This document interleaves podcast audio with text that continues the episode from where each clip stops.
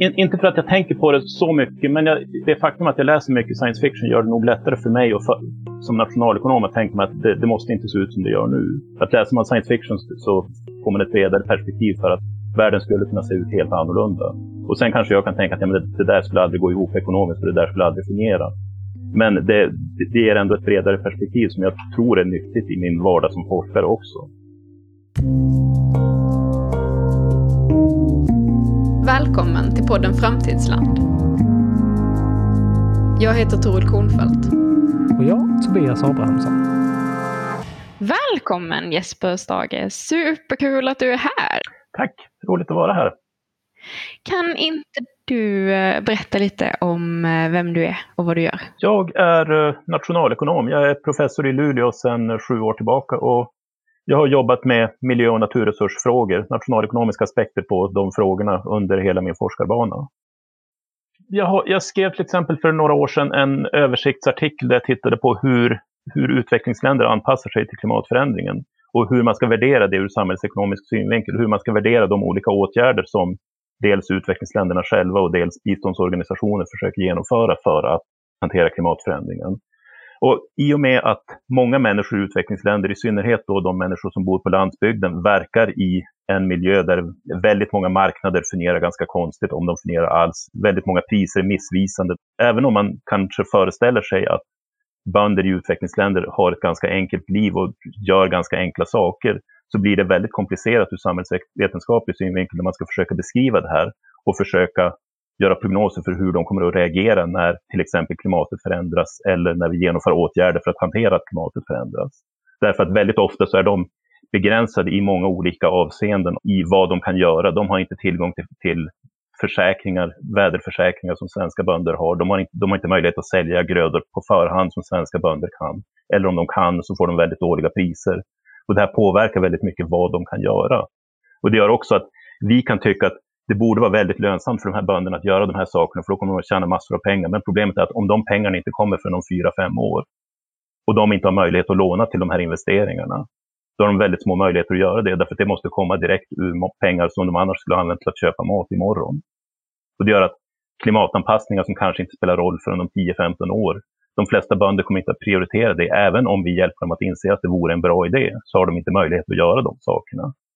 Vad, vad innebär, du, du sa att um, priserna är missvisande eller liksom marknaden fungerar inte som den ska. Vad innebär det?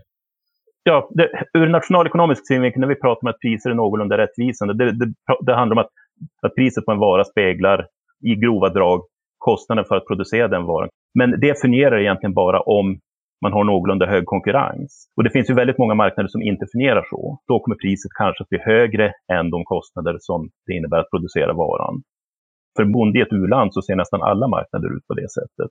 Och det innebär att de, de drar ner på i princip allting som de skulle behöva använda. Som de måste, om de måste köpa det från någon annan så använder de för lite av det. Utan de försöker i större utsträckning tillhandahålla så mycket de kan själva. Och det leder ofta till ett ganska ineffektivt jordbruk, men de har inte särskilt stort val. Men då kan det vara som att den enda personen som har en eh, tillräckligt stor lastbil för att köra runt och köpa upp varor eller liksom så tar, betalar alldeles för lite för dem för att bönderna som försöker sälja sin, sin produktion har inget annat val än Precis, de, de måste sälja grödan just då för de har ingenstans att lagra den. De har inget annat val än att sälja till dig och de måste sälja nu och då kan du ta, betala ganska dåligt för det. Det är, det är liksom intressant att se hur det hänger ihop med klimatomställning. Alltså för det känns inte som en, en självklar koppling, även om det blir väldigt tydligt när du säger att men då kan man inte investera i framtiden för man har aldrig den ekonomiska resursen. Liksom. Nej, men det, det, är någonting som man har pratat om i u-landsdiskussionen väldigt länge. Alltså varför gör bönder inte saker som de skulle tjäna pengar på om tre år? Och svaret är att det kan de inte. Därför att de kan inte göra de investeringarna. Och samma sak är, varför gör de inte saker som skulle hjälpa dem att hantera att klimatet förändras om 20 år? Eller om 50 år? Det är precis samma problematik. Alltså om ingen vill låna en pengar, eller om de enda som vill låna en pengar är lokala, ja, pe, alltså sådana småskaliga pengautlånare som tar väldigt hög ränta därför att de, de vet exakt hur mycket de kan klämma just dig på. Och därför måste du betala väldigt hög ränta. Ska du betala den höga räntan i 20 år i väntan på att klimatet förändras? Knappast. Du kommer att prioritera sånt du behöver för att klara nästa säsong. Och det, och det gör att väldigt mycket av klimatomställningen i de här länderna måste antingen hanteras genom statliga ingripanden, att biståndsorganisationer går in, eller genom att man gör det lättare för bönderna att anpassa sig, att man förändrar den här verkligheten som de lever i så att de lättare kan komma åt de här sakerna som de behöver. Har du sett några exempel på när det fungerar bra? När man har gjort saker för att göra en omställning, för att göra en klimatanpassning eller en eh, anpassning till biologisk mångfald eller något sånt som, som verkligen har fungerat? I utvecklingsländer är det tyvärr svårt att hitta bra exempel på det. Därför att det, det, man gör, alltså när man pratar om sånt som betalningar för ekosystemtjänster som har blivit väldigt populärt, och då är tanken att vi, vi betalar folk för att upprätthålla den biologiska mångfalden. Det fungerar bättre i relativt rika utvecklingsländer där de här marknaderna på det hela taget fungerar ganska bra. Därför att då har folk dels vana vid att staten fungerar ganska bra. Så när staten kommer och säger att vi ska betala för det här så litar de på att staten faktiskt gör det. Och de har erfarenhet av att marknader fungerar ganska bra. Så när man skapar en konstgjord marknad så litar folk på att den marknaden faktiskt kommer att fungera. Så i Costa Rica exempelvis, som är paradexemplet som alltid lyfts fram, där fungerar betalningar för ekosystemtjänster ganska bra, för folk är vana vid att den offentliga sektorn håller vad den lovar. Och de pengar som man får från den offentliga sektorn kan man använda för att göra någonting annat med. Men frågar du en bonde i ganska många afrikanska länder så är deras erfarenhet att när staten lovar någonting så håller den oftast inte vad den har lovat.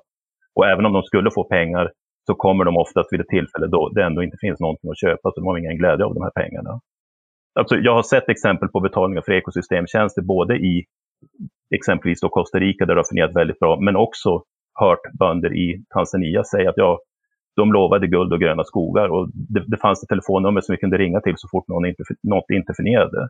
Men en månad efter att biståndsarbetarna hade åkt hem, då var det ingen som svarade på det telefonnumret längre. Och sen slutade pengarna komma. Så även om jag är nationalekonom och fokuserar på pengar och ekonomiska system och så, det handlar också väldigt mycket om hur de politiska institutionerna fungerar. Och folks erfarenhet av hur de, de institutionerna fungerar. Om man ska åstadkomma förändring. Det är verkligen intressanta perspektiv som man har en tendens att, att glömma. Och lite grann det där som du säger också att man har en tendens att tänka på människor som lite korkade. Så här, varför gör de inte så här? Varför gör de inte bara på det här sättet? Liksom? Jo, men jag, jag, brukar säga till mina studenter att när, när, det verkar som om folk beter sig korkat, då är det förmodligen någonting du inte förstår om deras situation. Och går man tillbaka i tiden, det var ju många svenska bönder som var i precis samma sits på 1800-talet. Alltså, vi hade baggböleri i Norrland där folk sålde skogsrättigheter som de inte fattade hur värdefulla de var. Plötsligt kom det skogsbolag och ville betala för någonting som ingen egentligen utnyttjade. Och man insåg inte hur värdefulla de här rättigheterna var. Och, och samma sak där, att folk planterade inte om skog fast det egentligen skulle vara lönsamt därför att intäkterna från den skogen skulle komma så långt in i framtiden och man hade inte möjlighet att belåna under tiden. Men när vi fick ett, en någorlunda hederlig offentlig sektor i Sverige och när vi fick ett fungerande banksystem så förändrades väldigt mycket av det där.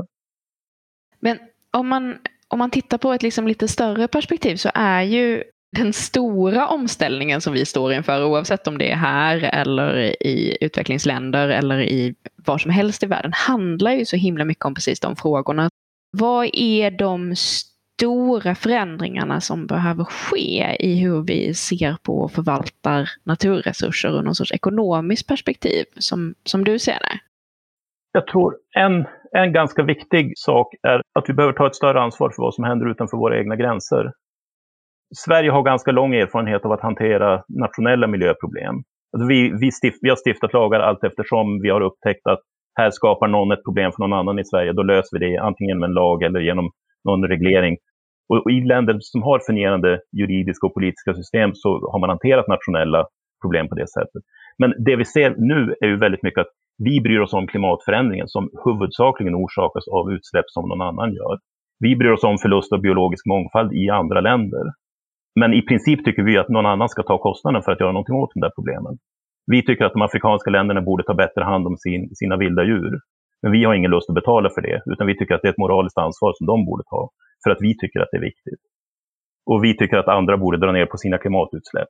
Ur ekonomisk synvinkel ska man säga att om, om vi vill att någon annan ska skapa något eller tillhandahålla något som är värdefullt för oss, då borde vi betala för det. Att vi borde betala fattiga länder för att de tar hand om sin biologiska mångfald, om vi tycker att det är viktigt. Därför att är man fattig och kämpar för att överleva för dagen, då är det inte så viktigt om det fortfarande finns lejon om 20 år. Men för oss i Sverige är det viktigt att det fortfarande gör det. Och då borde vi betala för det.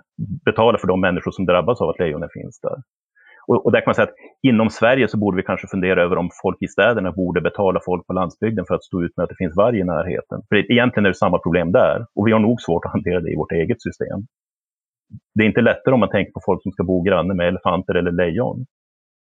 Jag tänker på, man hör ibland att det finns liksom system men att de rika länderna inte betalar in det de har lovat att de ska göra.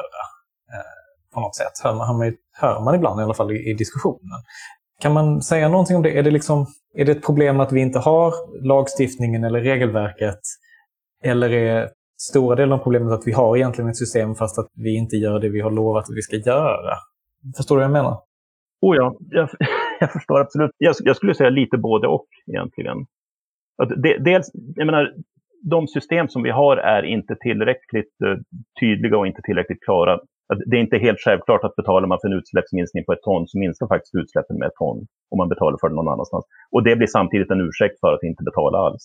Det är att vi litar inte på systemet så därför vill vi inte betala in i det. Mm. Samtidigt gör vi ingenting för att systemet ska fungera bättre för då kan vi fortsätta att säga att vi inte ska betala in i det. Det blir ganska lätt att skylla ifrån sig. Men samtidigt är det så att åtminstone bland många EU-länder så finns det en ganska klar vilja att betala mer för utsläppsminskningar i EU-länder därför att man ser det som ett billigare sätt att minska utsläppen än att göra det på hemmaplan vid det här laget, just därför att klimatfrågan börjar vara så pass akut, så tror jag att ganska många skulle vilja ha fungerande system. Mm. Men samtidigt är det så att det tar tid att bygga upp och det, man springer in i samma problem där. Hur mycket kan man lita på att stater i tredje världen håller vad de har lovat och så vidare? Att det är inte självklart att man bara ska betala och så räkna med att det blir, blir som de har lovat. Utan man är tvungen att ha olika övervakningsmekanismer och det tar tid att bygga upp och det förtroendet tar tid att bygga upp.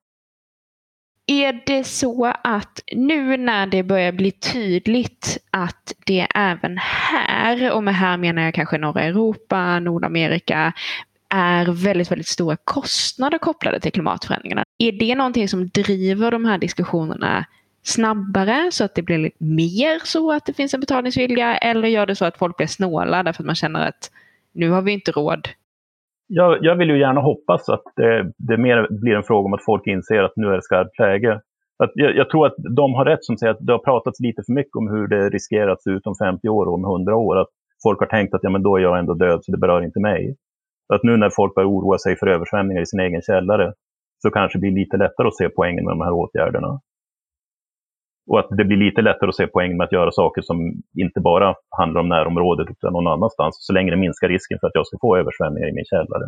Och, och det tycker jag man märker, alltså, kanske inte så mycket den politiska diskussionen, men eh, lyssnar man på vad folk i näringslivet säger så är Alltså försäkringsindustrin har egentligen varit mer orolig över klimatförändringen än vad många politiker har varit de senaste 10-15 åren. Därför att de inser att vi står med stora kostnader ganska snart som vi inte riktigt vet hur vi ska hantera. Nej, jag är väldigt nyfiken på ditt liksom, perspektiv på ekonomi på en specifik fråga. För att ibland så hör man eh, vi kan inte göra de här anpassningarna inom det här ekonomiska systemet. Vi kan inte hantera den här typen av problem inom vårt nuvarande paradigm i hur vi ser på nationalekonomi, handel, alltihopa. Hur, hur ser du på det resonemanget? Ja, jag håller nog inte riktigt med där. Alltså, jag skulle säga att dels så är ju det ett recept för förtvivlan. Om, om man säger att vi måste förändra allting på en gång, annars är vi, annars är vi dödsdömda. Då, då är vi dödsdömda. Vi, vi kan inte ställa om hela världen på en gång. Utan vi, det, det, är bättre att vi försöker ändra de saker som går att ändra. Och jag tror att de flesta nationalekonomer skulle säga att släng på en rejäl koldioxidskatt, inte bara i Sverige utan överallt. Och låt den koldioxidskatten stiga över tid. Då har vi löst väldigt mycket av problemen kring klimatomställningen då får vi väldigt många andra förändringar runt omkring. Då blir det plötsligt dyrare med transporter som förgiftar miljön. Och det kanske kommer att vara dåligt för handeln på kort sikt tills vi hittar andra transportslag. Men det får väl vara så. Det innebär inte ett nytt, helt nytt ekonomiskt system. Det innebär möjligen lite mindre världshandel ett tag. Eller kanske långsiktigt. Men då får det väl vara så. Det kan vi fortfarande hantera inom ramen för det ekonomiska system vi har. Det är en plågsam omställning för de som har jobbat i oljeindustrin och kolindustrin. Och så ur deras perspektiv så är det en brutal omställning. Men det innebär ju fortfarande inte ett helt nytt ekonomiskt system. Finns det någon historisk ekonomisk omställning som liknar det som vi är på väg att göra? Eh, det finns en del som har lyft när åtminstone Europa och eh, Nordamerika avskaffade slaveriet. Är det en jämförbar ekonomisk omställning mot, mot det vi är på väg att göra nu? Eller? Alltså, man kan säkert alltid hitta paralleller till historiska skeenden. Men en av de saker som drev på att slaveriet förändrades var att andra ekonomiska sektorer som var mindre beroende av slaveri växte i betydelse. Och samtidigt kom de här moraliska argumenten. jag, jag, tror inte att det är en slump att de två sakerna följdes åt. Och, och där kan man möjligen säga då att ja, men förnybar energi är lättare att, väldigt mycket lättare att producera idag än det var för 30 år sedan. Alltså det har hänt fantastiskt mycket inom teknik. Så på det sättet kan man möjligen dra paralleller att om, om det, när det är tekniskt möjligt så blir det också lätt, mer, lättare att göra det politiskt möjligt. Att vi har egentligen vetat i 50-60 år att vi borde ställa om från klimatstörande gaser. Men det är lättare att göra när det faktiskt finns alternativ. Jag vill gå tillbaka till en grej du sa där innan. Um, inom systemet eller utanför systemet och sådär. Jag, jag har precis eh, läst Kim Stanley Robinson, den här Ministry of the Future. Är det, är det någon eh, bok du har läst? Nej, det har jag inte. Är. Uh, han är ju så här, skriver science fiction som utspelar sig i klimatförändringstid så här, och har liksom idéer på lösningar. Men där inrättar de någon typ av, eh, bankerna går ihop liksom och så inrättar de en ny typ av eh, valuta som är kopplad till en, eh, som en vad heter det, statsobligation eller något sånt där. Så att det säkraste sättet att investera är Eh, att köpa in sig i den här valutan och då får man liksom en garanterad avkastning fast den avkastningen kommer om 70 år. Eller något. Alltså det finns liksom en sån fördröjd avkastningseffekt som då ska uppmuntra investerare att köpa den och därmed då också investera i att, att det finns ett samhälle om 70 år, för annars får man inte sina pengar. Jag, jag minns inte exakt för det, men någonting sånt. Är det någonting som är rimligt? Kan, kan man på något sätt liksom inom systemet tvinga bort kortsiktigheten? Förstår du vad jag menar? Jo, alltså, det beror ju på vad man ser som att någonting är inom systemet eller att man byter system på väldigt många sätt så har vi ett helt annat ekonomiskt system i västvärlden nu än vi hade för 50 eller 100 år sedan. Så vi, i den meningen så har vi ju bytt system. Mm. Jag skulle snarare som nationalekonom säga att sätter du ett pris på någonting, det, det är att verka inom systemet. Men det kan samtidigt få enormt stora effekter på lång sikt på hur folk beter sig. Mm. Så att man liksom har samma ramverk fortfarande? Jo, och om man ska prata om alltså, gröna obligationer, vi har inte riktigt den typ av obligationer som du pratar om, men det finns ju ändå en diskussion om att obligationer som går till hållbara investeringar borde ha någon sorts grönmärkning så att folk vet att det här är den typ, det här är vettiga obligationer man köper. Men frågar du folk som faktiskt handlar på obligationsmarknaden, den stora poängen för dem är ju ofta att då slipper de risken för otrevliga överraskningar framöver. Att investerar du i obligationer som du vet går till hållbar verksamhet, då slipper du risken att det plötsligt visar sig om fem år att det här företaget som du lånade ut pengar till har grävt ner en massa sopor i jorden som har enorma miljökonsekvenser. Eh, och du slipper risken att det kommer politiska regleringar om tio år som gör att det här företaget plötsligt inte kan betala. Det är mycket mindre risk att de, den sortens otrevligheter händer om du investerar i företag som du vet är någorlunda schyssta ur miljösynpunkt och ur andra synvinklar. Det är någon som har kommenterat att i, idag investeras det mer i kolkraft i EU än vad det gör i USA. Därför att i USA inser alla att det kommer klimatpolitik förr eller senare. Alla, in, alla i energibranschen inser att förr eller senare stängs kolkraftverken. Men ingen vet hur den mm. politiken kommer att se ut. Och därför törs ingen investera i kol idag i USA. Mm. Man vet inte vilka regler som gäller om fem år. Och i, i EU så investerar man i kol därför att man vet hur reglerna kommer att se ut man, man, vet hur många år man har på sig att räkna hem investeringen. Man vet vilka spelregler som gäller. Man vet att om 10 år, om 15 år, då måste de här kolkraftverken stänga. Men är det här lönsamt de närmaste fem åren, då, kan, då har vi ändå råd att göra det. Det finns tydligare spelplan, man vet vad som gäller framöver. Ja, ja, ja men jag fattar hur du menar. För då, då kan man ju också... Det blir ett sätt att få en mycket säkrare investering för att man vet att det här kommer, så här kommer det att bli. Liksom. Men jag tyckte det var kul att du eh, nämnde eh, Ministry of the Future. För jag tänkte att vi ska komma in på lite eh, fantasy och fram, eller fantasy science fiction, framtidsberättelser och våra scenarier. Du, eh, du är ju också en science fiction och fantasy-läsare, eller hur Jesper? Oh ja. Det är nästan den enda skönlitteratur jag läser. Jag läser ganska mycket av det. Är det, är det någonting som du på något sätt kopplar till din forskning eller ser du något liksom värde i att föreställa sig framtider och andra världar och sådär? Yes. In, inte för att jag tänker på det så mycket, men jag, jag, jag, tycker att det faktum att jag läser mycket science fiction gör det nog lättare för mig och för, som nationalekonom att tänka mig att det, det, måste inte se ut som det gör nu.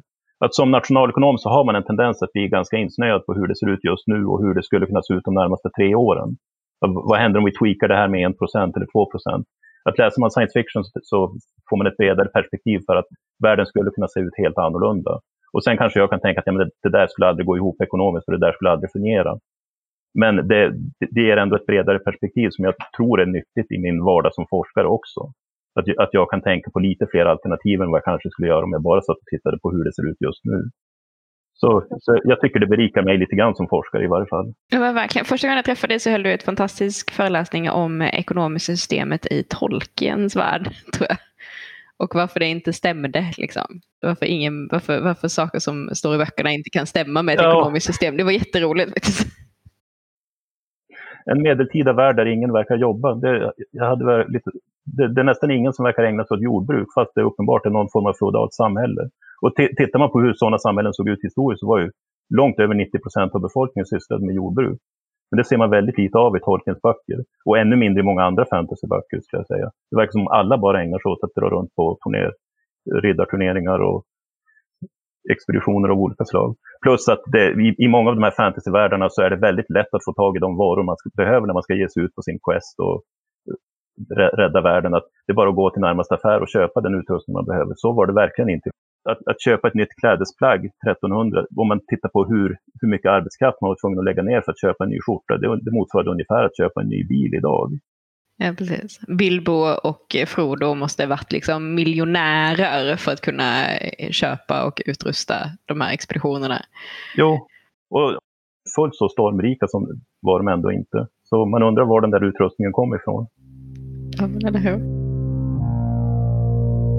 I Framtidsland har vi utvecklat tre scenarier som visar olika sätt att möta 1,5-gradersmålet.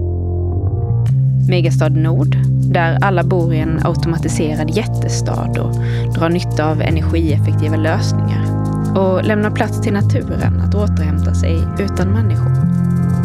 Djupgröna vågen, där alla bor i småbyar på landet, slutar resa och köpa så mycket saker och istället odlar mat i hållbart kretslopp. Ekogenetisk trädgård, där djur och växter utnyttjas till max för att möta klimatförändringarna. Med genmodifierad mangrove längs Östersjön, björkplast och kängurur hoppande fritt i Skåne. Längre beskrivningar finns på framtidsland.se. Jag tänker att 80 år är väldigt lång tid och folk hinner vänja sig väldigt mycket på 80 år. Alltså, ser man tillbaka 80 år så såg ju Sverige och resten av världen väldigt annorlunda ut för 80 år sedan. Och vi har hunnit vänja oss vid väldigt många förändringar under tiden. Så jag tycker inte att något av de här scenarierna är orealistiska i den meningen att det är svårt att föreställa sig att folk skulle acceptera det här om 80 år. Det, det skulle de mycket väl kunna göra. Några av scenarierna är kanske mer realistiska än andra, men alla tre går egentligen att se som fortsättningar på processer som vi ser redan idag. Det skulle säkert finnas många som grumsade om alla tre framtidsvärldar. Men att det ändå skulle vara så pass socialt accepterat att de fortfarande skulle fungera om 80 år, det tror jag jag tycker Megastad Nord går att se väldigt mycket som en förlängning av ganska mycket som redan pågår. Folk flyttar från landsbygden in till städerna. Det har ju pågått länge i väldigt många länder. Vi ser också en process där folk flyttar från småstäder till större städer. I länder som Sverige så kämpar glesbygdskommuner och landsbygdskommuner med att upprätthålla social service och offentlig service av olika slag, att upprätthålla grundläggande infrastruktur och klara det nätt och jämnt trots att vi har generösa kommunala skatteutjämningssystem och liknande för att göra det möjligt. I USA har man städer som närmast kollapsar därför att befolkningen flyttar och man har inte utjämningssystem som gör att de kan upprätthålla offentlig service för de människor som blir kvar. Så man kan absolut föreställa sig en värld där folk flyttar från de glesare befolkade områdena och från småstäderna in till storstäder och där politiker sedan bestämmer sig för att nej, de, de som inte flyttar in till städerna, de, får, de lämnar vi därhän. Vi har inte råd att upprätthålla en vettig service för dem. Jag, jag kan absolut se en framtid där man landar i ett sådant scenario jag tycker man ser väldigt mycket av den utvecklingen redan nu. Och återigen, alltså frågar du folk i Värmland så känner de redan att folk i Stockholm bryr sig mer om att det bor vargar i Värmland än att det bor människor där. Att det är viktigare att viltet trivs. Mm. Så att man i förlängningen skulle kunna tänka sig en framtid där vi avsätter mer och mer av den här marken till naturreservat för att det ändå inte bor särskilt många människor där. Och att den politiska eliten så småningom tycker att ja, men nu flyttar vi ut de få människor som är kvar också och sätter av allting till naturreservat. Om man kommer fram till att det är, en, det är en kostnadseffektivt sätt att hantera klimatomställningen på, så absolut. Kan man lite elakt säga att vi idag med utjämningssystem, i den fria marknaden så hade kanske urbaniseringen varit mycket starkare. Alltså vi ger en typ av kulturstöd för att ha en, en att vissa kommuner ska finnas och fungera. Ja, jag, jag, tycker absolut att man kan se det som att, beroende på hur man uttrycker det, men att det är det pris som Sverige betalar för att vi ska hålla ihop landet. Redan nu så är många, i, små, i synnerhet i småstäderna, kanske inte så mycket på landsbygden, men i de krympande småstäderna, så är det många som känner sig bittra och känner att, de har blivit, att framtiden har lämnat dem förbi. Att framtiden ligger någon annanstans. På landsbygden så har det redan hänt. Så att en växande del av de som bor på landsbygden är välbemedlade stadsbor som tycker att det är trevligt att ha, att pendla långt till jobbet men ha nära till naturen. Men det är ju en intressant fråga när på något sätt tar samhällets ansvar slut. I Skåne så finns det i den här frågan ganska akut eh, när det gäller Skanör och Falsterbo eh, som är ett litet, litet sandnäs som är på väg att bli översvämmat om man ska hårdra det. Eh, och det, det, är ju en diskussion om att man ska bygga en vall, det kommer att byggas en vall. Men finns det liksom någon sorts parallell diskussion bland ekonomer eller bland, liksom, som du ser, att man bara säger nej men vi får nog, får nog säga att man, man ska inte kunna bo där längre. Vi får liksom dra en gräns och säga att bor man närmare kusten än så här längs med Hallandskusten eller bor man på Österlen vid havet så, så får vi helt enkelt ge upp på försäkringar, räddningsinsatser för att det, det, det, det är för mycket. Är det någonting som du ser? Frågar du försäkringsbolagen så är det en fråga om tid innan de börjar säga att vi försäkrar inte sådana här hus. Och, och, och sen kanske staten går in och reglerar och säger att ni är tvungna att sälja försäkring, hemförsäkringar till alla som vill ha det. Men då kan, är det frågan om inte en del försäkringsbolag kommer att säga att ja, men då slutar vi sälja hemförsäkringar. Och jag tycker alltså, där får man säga att vi har varit väldigt kortsiktiga i Sverige, för det har ju varit en otrolig press i, under lång tid, det här att urholka strandskydd och att vi ska bygga nära älvar och vi ska bygga nära sjöar för det är så trevligt att ha nära till vattnet och det är så vacker utsikt och så vidare. Och vi har vetat ganska länge att klimatförändringen pågick och att det skulle bli fler extrema väderhändelser och att vattnet skulle stiga. Och ändå har vi haft den här pressen att bygga nära stränder. Att nu, nu är det nog en fråga om tid innan vi får börja backa och säga att när de här husen som vi byggde för tio år sedan, de får vi riva igen. Och nu börjar vi inse att det var kanske inte så smart ändå. Det blir ju någonstans nästan extra intressant därför att det är ofta, precis som du nämnde innan, det är ofta eh, folk, människor med höga inkomsters sommarhus eller extrahus. Inte alla såklart, men många av de nybyggnaderna som du pratar om är ju... Ja, det är ju väldigt exklusiva bostäder många gånger. Som bara byggs någonstans där man inte borde bygga. Tittar du på USA som också kämpar med, många av de här frågorna. Alltså du har Florida exempelvis där en hel del städer börjar känna nu att vi, vi kan nog inte bygga upp om och om igen varje gång det kommer en ny orkan. För orkanerna kommer bara längre in varje gång. Och vattnet stiger bara högre varje gång. Är det verkligen vettigt att vi bygger om för tolfte gången? Och det är inte bara rika städer som börjar tänka så, utan det är fattiga städer också. Problemet är bara hur ska man hantera det? De sitter ju samtidigt med en politisk ledning på delstatsnivå som förnekar att klimatet överhuvudtaget förändras. Men frågan är hur länge, hur länge politiker på delstatsnivå kan fortsätta förneka det när så många av deras medborgare sitter med de problemen. Ja, och vad gör man av det? Hur, hur lägger man ner en stad? Hur lägger man ner en kommun? Liksom? Ska man flytta den? Ska man Finns, finns det ens någon lösning där på att man bara, nu, fly, nu flyttar vi New Orleans tio mil in i landet? Ja, och, och, frågan är ju, alltså, om, om, man ser det som att vi gör det här för att hålla ihop landet, vi gör det för att folk inte ska känna att de, de lämnades efter när, när framtiden gick dem förbi. Då är det ju rimligt att man ger de människorna ett stöd, men det får inte, samtidigt ska det inte vara så generöst att de vill börja ny, rusta upp huset igen. Nej. Förr eller senare måste de flytta och systemet måste vara utformat för att hantera det. Och, och det är ju inte ett problem vi någonsin har haft, vare sig i Sverige eller i de flesta andra länder. Hur, hur hanterar man sånt? Så, så det blir en utmaning. Ja, Nej, det är ju verkligen ett helt nytt system. Så här. Den här platsen kommer att vara obeboelig snart. Jo, alltså i Sverige, tittar jag på Norrbotten så har vi gruvorter som har stått med det problemet att vi måste flytta hela stan därför att det behövs en gruva här. Men då har ändå folk kunnat se att den där gruvan som vi river stan för att göra plats för, den skapar jobb som vi vill ha. När det bara är fråga om att nu måste vi flytta hela stan därför att någon annan har släppt ut massor av växthusgaser i atmosfären. Och därför, därför måste du överge allt som någonsin har varit viktigt för dig att flytta tre mil längre in i landet. Det är en, kne, det är en mycket knepigare politisk fråga att ta. Samtidigt så är det ju en, en tyvärr en fråga som är ju... Eh, det, det, går, det går ju inte att resonera med att den här, om vi nu tänker Florida, att den här orkanen kommer två gånger om året nu för tiden och, och blir värre och värre. Alltså det, mm. det, till slut så når man ju en punkt där man inte kan säga att jag är arg för att någon annan har släppt ut gas. Alltså det, man kan ändå inte bo där i den där organen.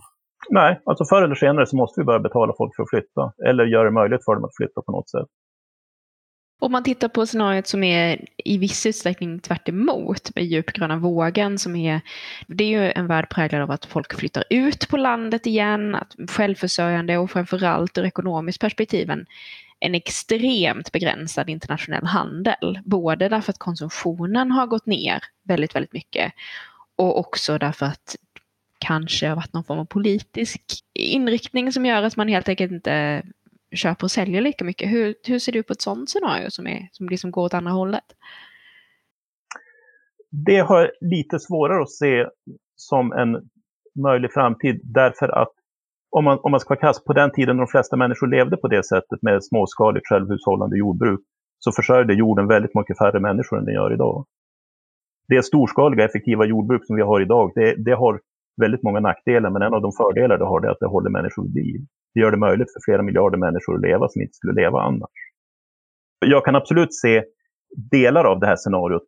Alltså om man föreställer sig att översvämningar blir vanligare och vanligare, att det kommer någon ny pandemi som gör att folk inte vill bo i städerna. Att, att de här som har ställen på landet börjar vara där oftare och oftare för att de, de känner sig tryggare där. Och att det blir fler och fler som börjar odla åtminstone lite av sin mat själva därför att de inte litar på livsmedelsförsörjningen längre. Och att politiker sen skulle kunna haka på det och försöka förstärka den utvecklingen. Den delen av det ser jag väl möjligen som, eller det, det ser jag som någonting som skulle kunna hända. Men, men samtidigt, det vi har sett under den här pandemin när folk har flyttat ut på landet och för att hålla sig borta från pandemin och har skött jobbet därifrån, det är att de har ju fortfarande varit beroende av de som var tvungna att vara kvar i stan. Så om det scenariot ska, skulle bli verklighet så förutsätter det att man har väldigt teknikintensivt jordbruk som gör att det där småskaliga jordbruket kan försörja folk.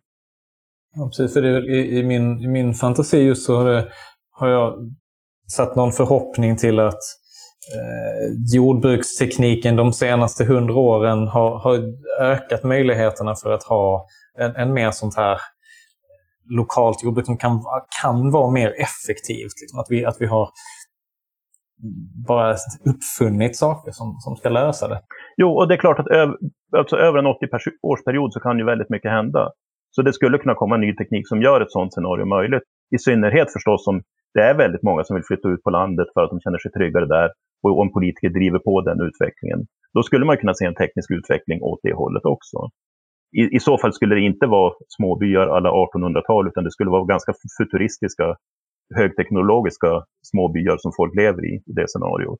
Jo, det, det är väl så vi tänker också. Jag tänker också det, eh, koppling till, till det du pratade om i början där med, eh, om din forskning, just att det man skulle kunna eh, tänka sig i det här är att just nu så har vi har ju ändå ekonomiska möjligheter till att göra de här typen av investeringar som man inte kan om man inte har eh, om man lever för dagen på det sättet som vi pratade om innan. Alltså då skulle man kunna tänka sig att, att man kan ha jordbruk som liksom drivs av att Eh, vi jobbar med de här olika lagren och de här träden kommer att ha vuxit upp om 15 år. Men då kommer det att generera väldigt bra eh, klimatzon till växten som lever eh, liksom under dem. Och så, man tänker sig att man kan göra den typen av tänka långsiktigt eftersom vi har pengarna nu.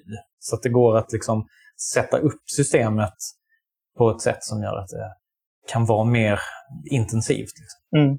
Men jag tror att det, det, skulle verkligen behövas en stark politisk vilja att åstadkomma ett sådant system.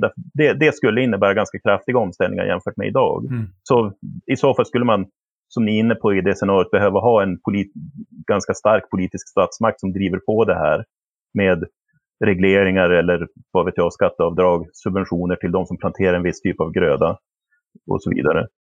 En annan aspekt av den världen är ju väldigt minskad konsumtion och väldigt minskad internationell handel. Hur ser du på de bitarna? För det är ju också en, en lösning som folk presenterar på klimatfrågan. Ja, fast det, det beror ju på vad, hur folk upplever att det fungerar ganska mycket. För, för den här ordningen som vi har nu, där väldigt mycket tillverkas i Kina och fraktas hit och väldigt mycket tillverkas någon annanstans och fraktas hit.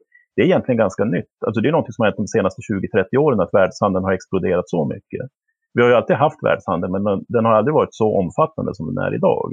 Och att ställa om det så att vi tillba kommer tillbaka till den nivå vi hade för 30-40 år sedan, det tror jag är möjligt om folk upplever att de inte får det sämre.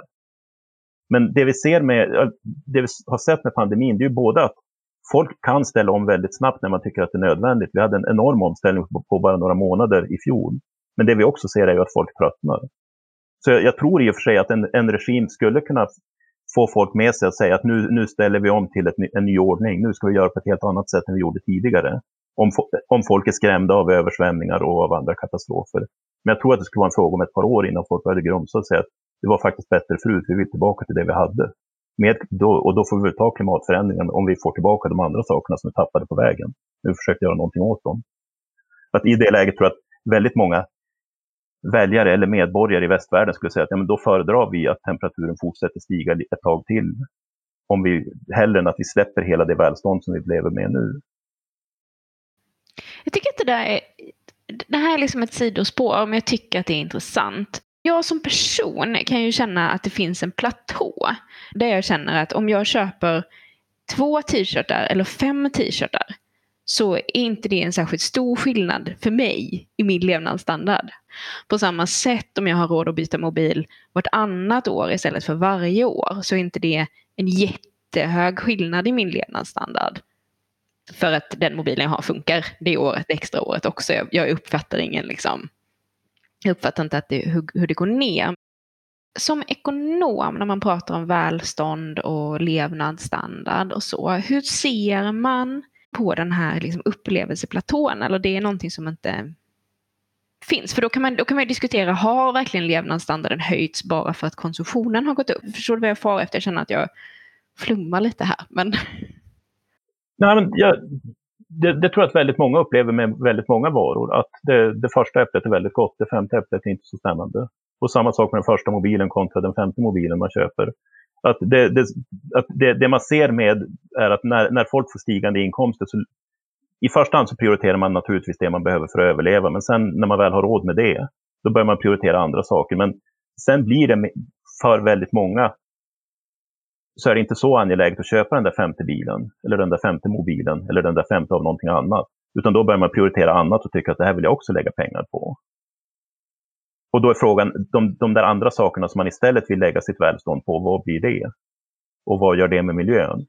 Och, och det vi ser är att alltså i, i länder som Sverige där man traditionellt sett alltid har haft ganska nära till naturen och där folk, vi har haft friluftsliv och vi har haft människor som har brytt sig om naturen. Det är en hel del av den här, det här stigande välståndet som vi har haft sedan 70-talet har ju gått till ökat miljövård. Att man, man ser att miljökraven stiger allt eftersom med stigande inkomst. Det är något man ser i många rika länder, men det, det är inte bara något som händer.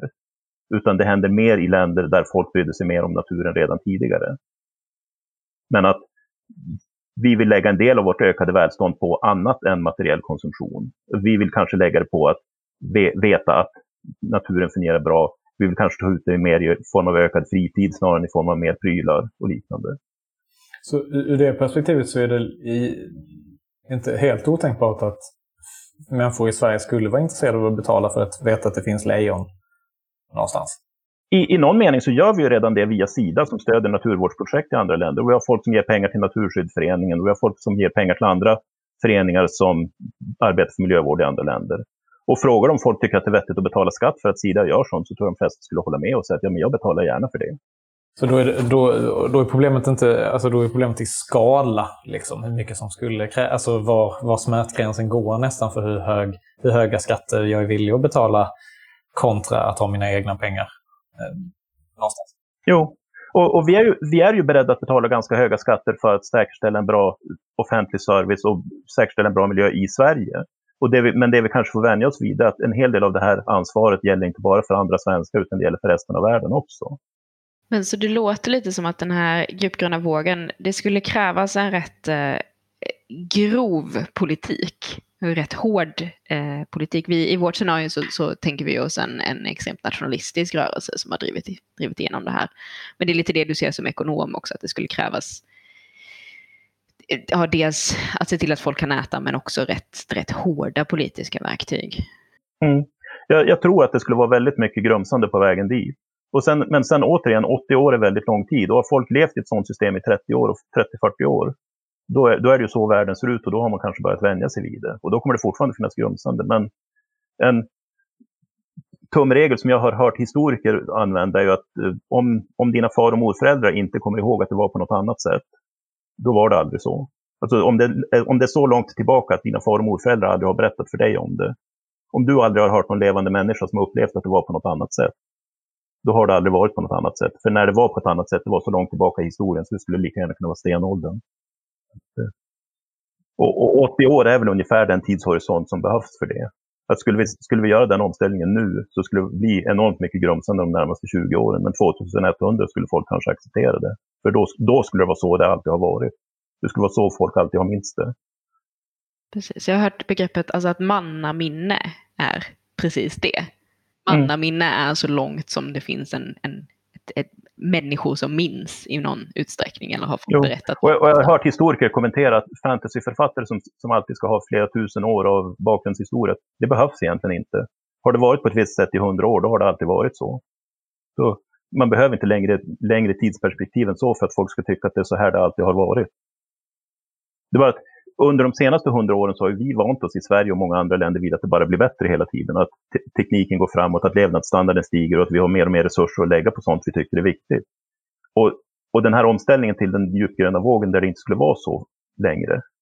Att ställa om till att det blir sämre är mycket svårare än att ställa om till att det blir bättre hela tiden. Så, så, så jag tror att det skulle, vara, det skulle behövas enormt repressiv politik de första 20-30 åren tills folk har vant sig. Men sen skulle det Sen skulle det vara så det alltid har varit. Eller åtminstone så, så det har varit så länge någon minns. Jag vet inte om det är en värld någon av oss skulle vilja leva i, men det... Alltså... Det är väl också, det är klart att det finns ju många som, som ehm, ser ett väldigt positivt värde i den här typen av att det finns någon eh, gemenskap och kanske att man känner att man liksom eh, det här fysiska arbetet, att vara nere i jorden och, och, se saker växa som man själv har. Alltså liksom, att vi är alienerade idag på ett sätt som man kanske inte hade varit i, det här, mm. i den här världen. Liksom. Så det, det, är väl, det är väl då om, om man kan, då ska det ju vara värt väldigt mycket så att det inte känns som en uppoffring. Men att man kunde visa liksom vilken oerhörd glädje det är. Och då tänker jag på just rörelser som finns idag som lobbar för det här på det sättet. Oh ja, alltså, man kan ju tänka sig att någon skulle liksom njuta mycket mer av det här än att jo. flyga någonstans. Alltså, jag menar, frågar du en vanlig svensk bonde idag så känner ju de en enorm yrkesstolthet över att de är med och försörjer folk, att de är med och producerar någonting nyttigt som alla har glädje av. Och samma sak, fast ur ett annat perspektiv kan man säga att hipsterfolk som, vi, som odlar sin egen mat och, lägger en och känner en glädje i det, det är, det är två väldigt olika perspektiv på samma sak, men det är fortfarande samma, samma stolthet över att jag, jag, producerar någonting. Jag producerar riktig mat, jag producerar någonting vettigt. Jag producerar inte bara leksaker som folk leker med i tre år och sen slänger, utan jag producerar någonting som folk faktiskt behöver. Så man, man skulle kunna tänka sig en strömning, att den strömningen blir starkare och starkare, att fler och fler börjar ha landställen där de odlar sin egen mat därför att man trivs med att göra det. Och att man börjar tillbringa mer och mer tid där Återigen för att städerna känns otrygga på grund av översvämningar eller pandemier eller liknande. Så en, en långsam utveckling åt det hållet skulle man kunna föreställa sig. Men, den här, alltså, men då tror jag faktiskt att 80 år är nästan en för kort tid för att hela samhället skulle ställas om åt det hållet, om det skulle göras på frivillig väg. Det här sista scenariot som är som är en total instrumentalisering av naturen egentligen. Jättemycket genteknik. Det spelar ingen roll vad som växer, det spelar ingen roll var det kommer ifrån från början. Det finns inget grundvärde i ursprunglighet i naturen utan om, eh, om kängurur kan göra nytta för, eh, för tillväxten i, i Spanien då ska det finnas kängurur i Spanien. Liksom. Eh, och, och också en värld där man har ersatt eh, olja primärt men fossila bränslen ganska rakt av med levande biologiskt material istället. Hur, hur, ser, du, hur ser du på den framtiden? Det scenariot? Det är ju inte en framtid jag själv skulle vilja leva i. För jag, jag tycker det är, även om jag kan vara ganska instrumentell så tycker jag det är en fruktansvärt instrumentell syn på annat levande. Men, men samtidigt kan jag också tänka att det, det är inte helt orealistiskt dels som ni är inne på i scenariot, när, man bör, när det enda sättet att rädda korallrev är att genmodifiera dem, då kommer folk kanske att tycka att det är bättre än ingenting. Men jag tror också att i och med klimatförändringen, även, även de som tycker att det är trevligt med natur runt omkring sig och även de som tycker att det, det är trevligt att bevara saker, när man, när man börjar vänja sig vid att klimatzonerna skiftar ändå. Så de, de blommor som blommade utanför mitt fönster för 20 år sedan, de är borta oavsett. För de trivs inte här längre. Utan jag kommer att ha andra blommor då kommer man kanske inte att tycka att det är så viktigt om de där, de där blommorna fanns naturligt någon annanstans förut. Eller om det är coola, nya, genmodifierade blommor som har mycket finare blad. Alltså när man väl accepterar att den natur jag växte upp med är borta ändå, vad, vad som än händer, då, då blir det kanske lättare för folk att acceptera, eller tänka tanken att ja, men då kan vi lika gärna genmodifiera det så blir det coolare och bättre än det var förut. Mm. Och, och, jag tycker att det vore en otroligt trist utveckling, men jag kan samtidigt föreställa mig att det skulle kunna hända. Och man, och man har ju, alltså vi har ju redan en del av de diskussionerna. Att vi skulle förmodligen behöva mer genmodifierade grödor i jordbruket för att det blir lättare att försörja 11 miljarder människor om 80 år om vi har fler genmodifierade grödor. Mm. Man pratar också om att skogsbruket kanske borde ställas om så att alltså, skogen kan binda mycket mer kol om det är det man prioriterar i skogsbruket. Om man prioriterar bort allting annat som vi använder skogen till och säger att den ska bara binda kol, då kan, då kan den egentligen binda mycket mer kol än den gör idag. Och, och då är steget kanske inte så långt från att ja, men den här industriskogen, vi kan lika gärna ha genmodifierade träd där. Det, det tankesteget kommer inte, kanske inte vara så långt om 20 år som det är idag. Så jag, jag kan absolut se det scenariot inträffa. Och att, och att, folk, att folk av idag kommer att grumsa om att man har förstört en massa som var värdefullt, men att folk, de som växer upp med det här kommer inte att tycka att det är så konstigt. Nej, att det kommer bli ett så här, nästan lite så här ultimatum situation att om vi ska ha kvar Halland, om folk ska kunna fortsätta bo i Halland, då kan ni välja på en vall eller den här genmodifierade mangroveskogen. Ja. Det är era alternativ. Liksom. Och, då kommer, och för, för oss stadsbor som knappt kan se skillnad på björk och gran så kan det kanske inte spela så stor roll vilken sorts träd det är. Om de är genmodifierade för att binda mer kol så kommer vi kanske inte ha så stora problem med det.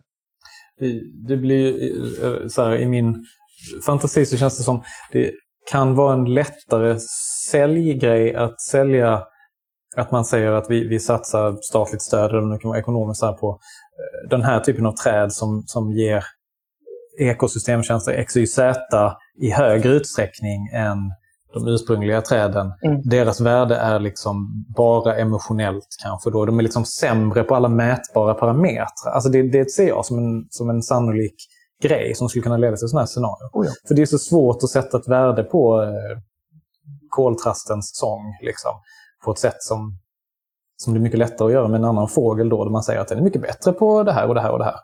Mm. Den nya koltrast Ultra. Exakt. Vi gör allt som den gamla koltrasten gör, men bättre. Ja, men precis. Men däremot så tycker jag att man ser den här om, omställningen. Det finns ju väldigt mycket fokus nu på att använda biologiskt material, framförallt trä, till att göra alla de här sakerna också. Plast och flygbränsle och eh, allt möjligt liksom. Eh, byggmaterial och, och, och sådär. Och då kommer man ju också antagligen att hamna i en situation där om vi inte kan göra det av olja längre så måste vi göra det av någonting. Och ska vi göra det av, av trä så behöver vi mer trä helt enkelt. Att det blir en resursfråga också. Jo, och, och det är ju redan så att de flesta bryr sig inte så mycket om vad som händer långt borta i industriskogen någon annanstans. Så om de industriskogarna börjar använda genmodifierade träd så är frågan hur många kommer att bry sig. Och då är steget kanske inte så långt att säga att de här naturskogarna som fortfarande finns kvar, vi hugger ner dem också. Så att vi kan plantera riktiga moderna träd där också. Och det, alltså, men om man ska vara ärlig med att säga att det är ju en trend som har pågått i, skogs, i svensk skogsbruk ganska länge. Kanske inte genmodifierat, men att man...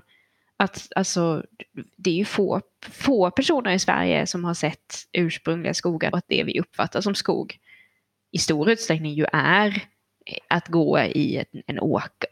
Liksom. Och, och, en åker som dessutom redan många gånger innehåller träd som vi har importerat från Nordamerika. Och där det är tryck på att vi borde ha mer av det för det kommer att växa bättre framöver än vad de svenska träden gör. Jag tänker det här, det här som du var inne på med, med mannaminne Toril och du också Jesper, men liksom att just att det är sorgligt eller positivt så är det klart så att mina barnbarn kommer att tänka koltrast ultra, då känns det som hemma. Liksom. Alltså det är ju, om jag tycker koltrasten är härlig idag så kommer ju någon då i framtiden att uppleva att, att den, den nya, moderna träden är de som är, det är så det ska vara. Liksom. Alltså, man glömmer snabbt i generationer. Jo, och det är en sorglig tanke, men alltså, jag, jag är ju miljöekonom och, och tittar på miljövärdering och hur, vad, vad folk tycker att det är värt att bevara olika typer av natur till exempel. Och det är väldigt nära knutet till vad man upplevde som barn. Alltså folk som har lekt i naturen som barn tycker att det är angeläget att bevara naturen när de är vuxna. Men folk som alltid bara har upplevt genmodifierad natur, de kommer att känna på ett annat sätt inför den naturen. Och, och, samma sak blir det kanske i ert megastadscenario. Om, om man stänger av naturen helt för vanliga människor, då, då kan jag föreställa mig att om ett par generationer så kommer ingen att bry sig om den där naturen alls. Man kommer att ha precis lika instrumentell syn på den. Att har man aldrig varit ute i naturen, då kommer man inte att tycka att den är viktig som natur. Alltså föreställningen om att vild natur är någonting värdefullt som vi borde bevara, den är ju egentligen ganska ny. Alltså tills för ett par hundra år sedan, då var det ju trädgårdar som var idealet. Då, då drömde folk om en värld där hela världen skulle omvandlas till prydliga trädgårdar och där alla farliga djur bara skulle finnas på djurpark. Och det, det är ju det vi har här. Det finns, det finns dikter från 1800-talet om vilken, vilken ljuv framtid vi var på väg in, där det skulle, in i, där det skulle se ut på det sättet. Och idag känns ju det som ett mardrömsscenario för många i västvärlden. Därför att vi har vant oss vid tanken om att vild natur är någonting värdefullt. Men vi kan vänja av oss vid den tanken igen. Ja men precis, för det, det hänger ju också ihop med någon sorts idé om eh, värdet av naturlighet och ursprunglighet och autenticitet jämfört med värdet av framgång, eh, förändring, eh, nya grejer liksom också. Tänker jag i någon sorts som större samhällsdiskussion. Jo. Och, och där kan man säga att det, det kanske speglar vårt öga, ökade välstånd, men vi har ju valt, eller vi har ju börjat värdera orörd natur och ren miljö mycket högre idag än vi gjorde för 50-60 år sedan när folk prioriterade andra saker. Men, men frågan är om det börjar stå i konflikt med vår överlevnad, hur värdefullt folk kommer att tycka att det är då. Om man ser vägen bort från vild natur är tråkig, men den låter oss överleva. Då tror de flesta kommer, om, om, om det är den enda väg framåt som folk ser, då tror jag folk kommer att vara beredda att överge den där vilda naturen igen. Och egentligen, alltså historiker skulle väl säga att vi har ingen orörd natur i Sverige. Det har bott människor i Sverige sedan istiden. Så all natur har ju varit påverkad av, av människor på ett eller annat sätt. Det är bara att påverkan har märkts mer och mer allt eftersom. Om, vi, eh, om du var tvungen att bo i ett av våra framtidsscenarier, om du liksom måste, du måste landa och du måste vara så gammal som du är nu, men du måste vara i ett av dem i slutet på århundradet. Var, eh, var hade du helst varit? Uh, vore jag tvungen att välja så skulle jag nog ta megastaden. Jag skulle ogärna ta någon av dem, men i megastaden så finns det åtminstone fortfarande vild orörd natur, även om jag inte skulle få uppleva den. Och i megastaden så skulle jag som vanlig medborgare fortfarande ha tillgång till många av de saker jag har tillgång till idag. Så det, det är den omställning jag skulle ha lättast att hantera, tror jag. Har du några liksom reflektioner av hur du hade haft det? Den världen känns väl nästan som den mest naturliga fortsättningen på den värld vi lever i nu. Så jag, jag vet inte om jag hade gjort så många saker annorlunda det, en sak som ni har med i det scenariot är ju att uh, de flesta inte jobbar längre och att, man, att folk har mycket mer fritid. Men jag tror samtidigt att många av oss har inget större problem att fylla vår fritid med saker som vi tycker är roliga att göra. Jag skulle nog, nog börja göra mer av de sakerna. Läsa ännu mer än jag gör nu. Eh, delta på fler kulturarrangemang än jag gör nu och annat liknande. Och fortfarande förmodligen fundera en hel del på nationalekonomi, men kanske göra det på min lediga tid eftersom jag inte skulle ha något jobb längre. Finns det något som du verkligen hade saknat? Det är just naturen. Alltså, jag skulle nog höra till de som försökte smyga mig ut förbi de där jägarrobotarna för att jag skulle vilja se lite orörd natur då och då. Det är inte för att jag gör det ofta idag, men jag tycker, jag tycker det känns väldigt värdefullt att veta att den finns där och att jag har tillgång till den. Och det, det skulle jag verkligen sakna i det där scenariot. Att, att veta att allt sånt är avstängt för människor, att jag, att jag inte längre är välkommen där, det skulle kännas väldigt trist någon sorts naturgrupp som smyger ut på nätterna. Ja, man skulle ju vara sugen i varje fall. Ja, eller hur? Finns det något som du verkligen hade känt kändes bättre? Alltså något som du hade varit så här, åh jag är så tacksam att jag är nu och inte 2020. Liksom. Det är väl just känslan över att eh, många av miljöproblemen skulle vara lösta. Och i, och i synnerhet klimat, problemet som jag ser som närmast en existentiell fråga för mänskligheten, hur vi ska överleva det. Det skulle vara väldigt skönt att veta att det problemet låg bakom oss. Det skulle vara ganska skönt att slippa jobba, om man säger så. Det skulle vara ganska skönt att slippa göra dem. Jag, jag trivs med mycket av det jag gör med mitt jobb, men mycket av det skulle jag kunna göra på min fritid lika gärna. Och jag skulle slippa de tråkiga delarna av det. Det skulle också vara rätt behagligt. Tack så jättemycket. Det var jättespännande att prata med dig om det här. Tack själva. Jättekul. Du har lyssnat på podden Framtidsland där vi pratat med nationalekonomen Jesper Stage. Du hittar länkar till Jespers forskning och annat som vi pratat om i avsnittet på framtidsland.se. Där finns det också bland annat noveller som utspelar sig i våra scenarier och mer information om klimat och omställningsforskning.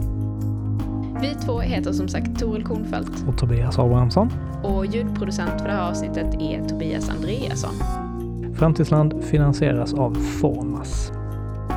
Det här avsnittet producerades våren 2022.